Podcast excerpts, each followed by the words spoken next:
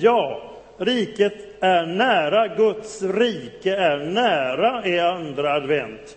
I den engelska översättningen står det The kingdom of God is at hand. Alltså Guds rike är så nära så att du kan ta det liksom i din hand. Och så säger Johannes, det vi såg, det vi tog på, det förkunnar vi, Livets ord, det vi kände. Gudsriket kommer i en person, Jesus Kristus, in i vår värld. Sådan som Jesus är, så är Guds rike. Och han säger, mitt rike är inte av denna världen. När Pontius Pilatus frågar, är du kung? Ja, men mitt rike är inte av denna världen. Det är av ett annat slag, säger han. Och psalmisten utbrister och säger så här, Guds rike är ett rike för alla evigheter, står det. Man kan ju tänka att det räckte med en evighet. Men psalmisten säger, Guds rike är ett rike för alla evigheter. Och i Daniels bok så står det att Guds rike kan inte förstöras. Och det talar om kvaliteten på riket. Det är ett rike som kommer att bestå. Och vi kan få erfara försmaken här och nu. I mötet med Jesus, Birgitta Yavari Ilan, konstnärinnan, sa att där ett hjärta förenas med Gud och vilar i hans kärlek börjar alla redan himmelriket. För Jesus sa att det eviga livet är att känna Gud och den han har sänt, Jesus Kristus. Så det eviga livet börjar här och nu. Livets gåva av Gud. Vi får uppleva en försmak av vad komma skall. Guds framtid i förtid. Om jag skulle gå ut på Alberts torg och säga har du tänkt på Guds rike senast i veckan? Så vet jag inte om folk skulle säga var så förstående, vad tror ni? Har ni tänkt på Guds rike här i veckan? Eh, nej, det kanske man inte hade. Men på Jesu tid så var det precis det som alla gick och tänkte och drömde om. Man levde under ockupation av den romerska makten och man längtade efter en Messias, en politisk befriare, då Gudsrikets löften i Gamla testamentet om en ny världsordning skulle bryta fram med en Messias. Så det låg i tiden, det låg i luften, man väntade. Och stora ledare har haft det. Mahatma Gandhi hade Satyangraha, att hålla fast vid sanningen. Och den siste Sovjetledaren Gorbatjov hade glasnost, öppenhet. Och den avgående amerikanske presidenten Barack Obama i sin första valperiod hade change. Och Jesus kommer rätt in i tiden med uttrycket Guds rike. Men det var av ett annat slag. Man hade väntat sig en politisk befriare, men Jesus kommer. Och det kommer en dag med social rättvisa, men riket börjar och där riket växer, där blir det social rättvisa också i vår tid. Men han ger dess riket dess rätta innebörd. Det var inte så att Guds rike var ett geografiskt rike, frågade man. Liksom, vad är Guds rike? Det är mitt ibland er, det är invärtes i er, sa Jesus. Varhelst ni tar emot rikets konung, där är Guds rike. Eller, där Guds vilja sker, där är Guds rike. Så det är i mitt liv, och när Guds vilja får ske i en sammanhang, kanske i ett land, det har funnits i historien länder och stora folkgrupper där man verkligen har trott på Gud och, och det, Guds vilja har skett på ett stort och mäktigt sätt.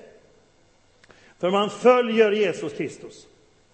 Och det sker i en enskild människa och det kommer att ske i hela vår värld. I Uppenbarelseboken 11 och 15 så står det så här att herraväldet över världen tillhör nu vår Herre och hans moder och han ska vara konung i evigheters evighet.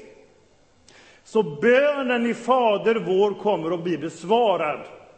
Den är så stark, Fader vår, och det, alla delar. Men när vi ber låt din vilja ske på jorden så som i himmelen, låt ditt rike komma, så är det inga småsmulor, mina vänner, som vi beder om.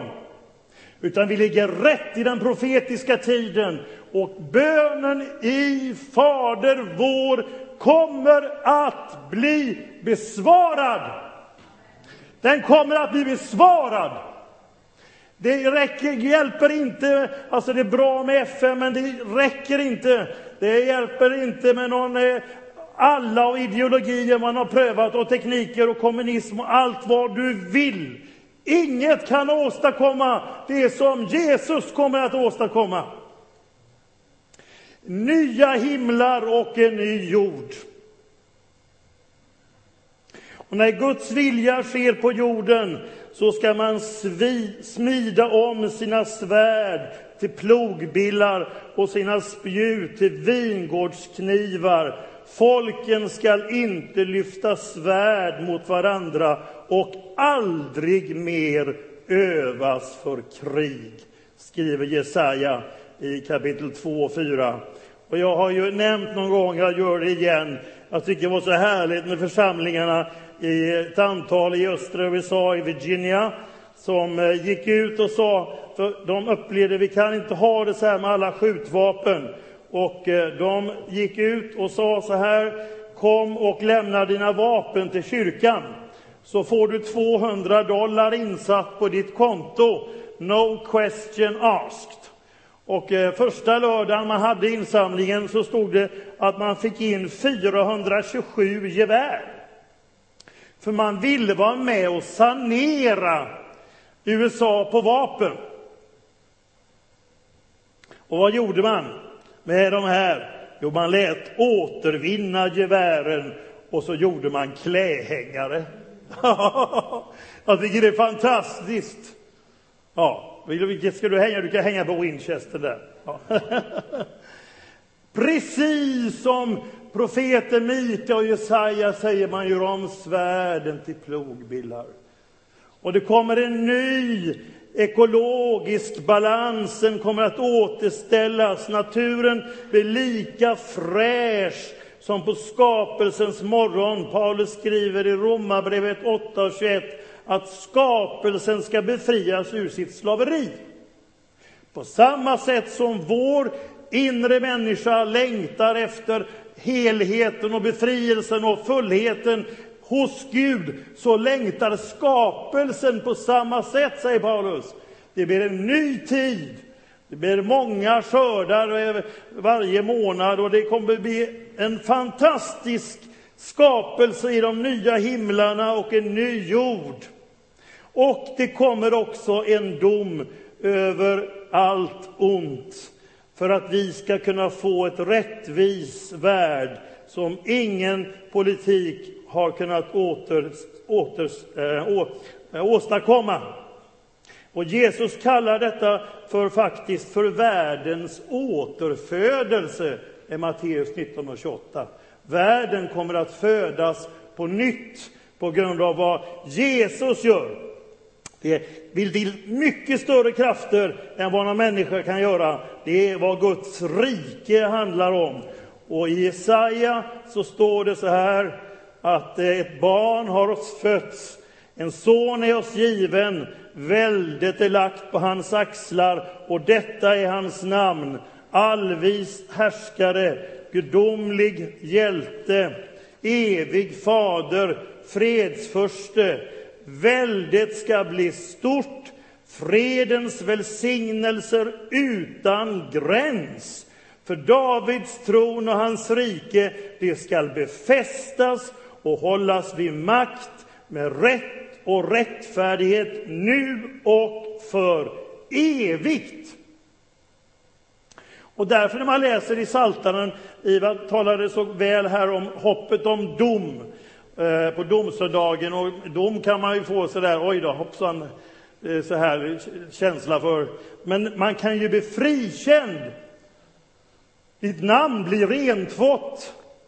Och domen i Bibeln har jubelsång därför att domen står i livets tjänst och är förutsättningen för den rättfärdiga världen. Därför står det i psalm 98.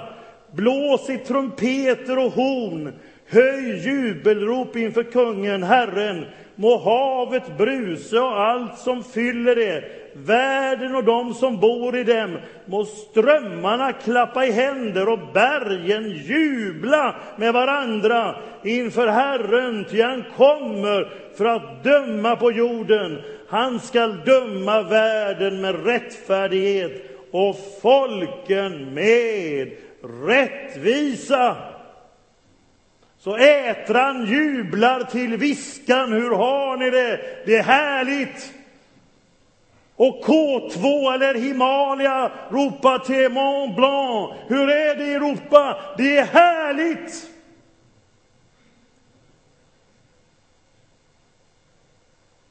För domen är förutsättningen för liv.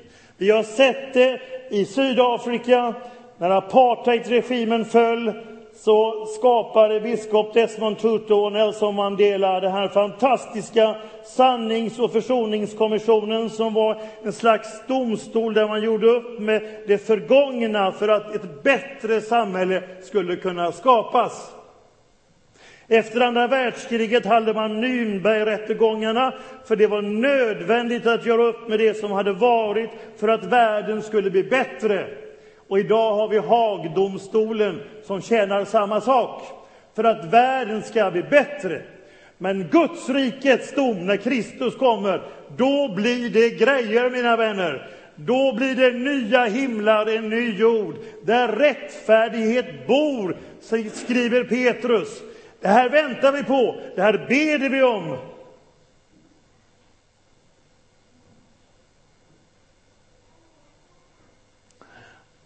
I Matteus 25 så finns en text, det är inte hela kartläggningen och den fullständiga aspekten av, av, av, av dom och framtid.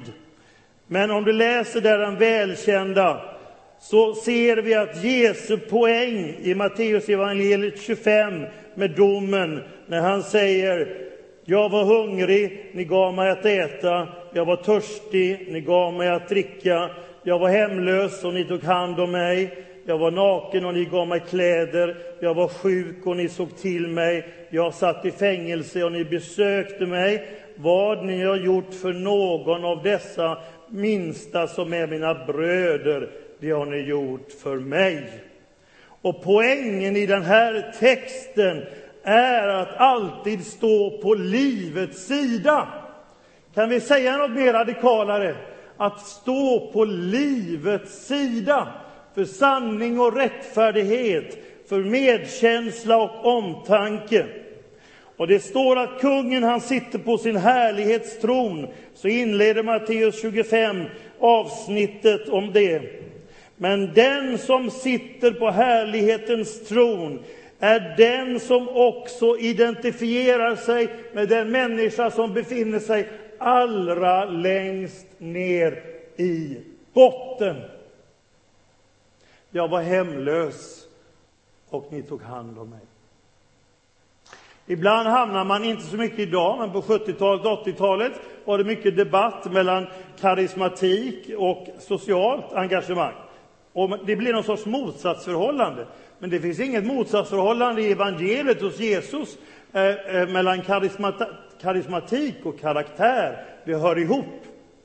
Lovsången till Gud och engagemanget för social rättvisa hör samman. Och vi ser det i Saltarsalmerna, vi ser det i Jesu liv, vi ser det till exempel i, såg det i Sydafrika. Och jag och Anette hade förmånen att vara på Soweto Gospel Choir på förra fredagen och inleda adventsfirandet med denna sång i Konserthuset i Göteborg.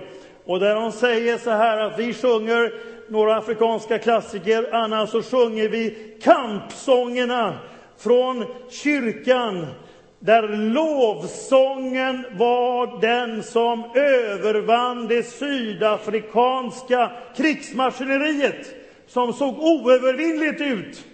Men det var ett lovsjungande folk som ingen kunde stå emot. Och lovsången och engagemanget går hand i hand.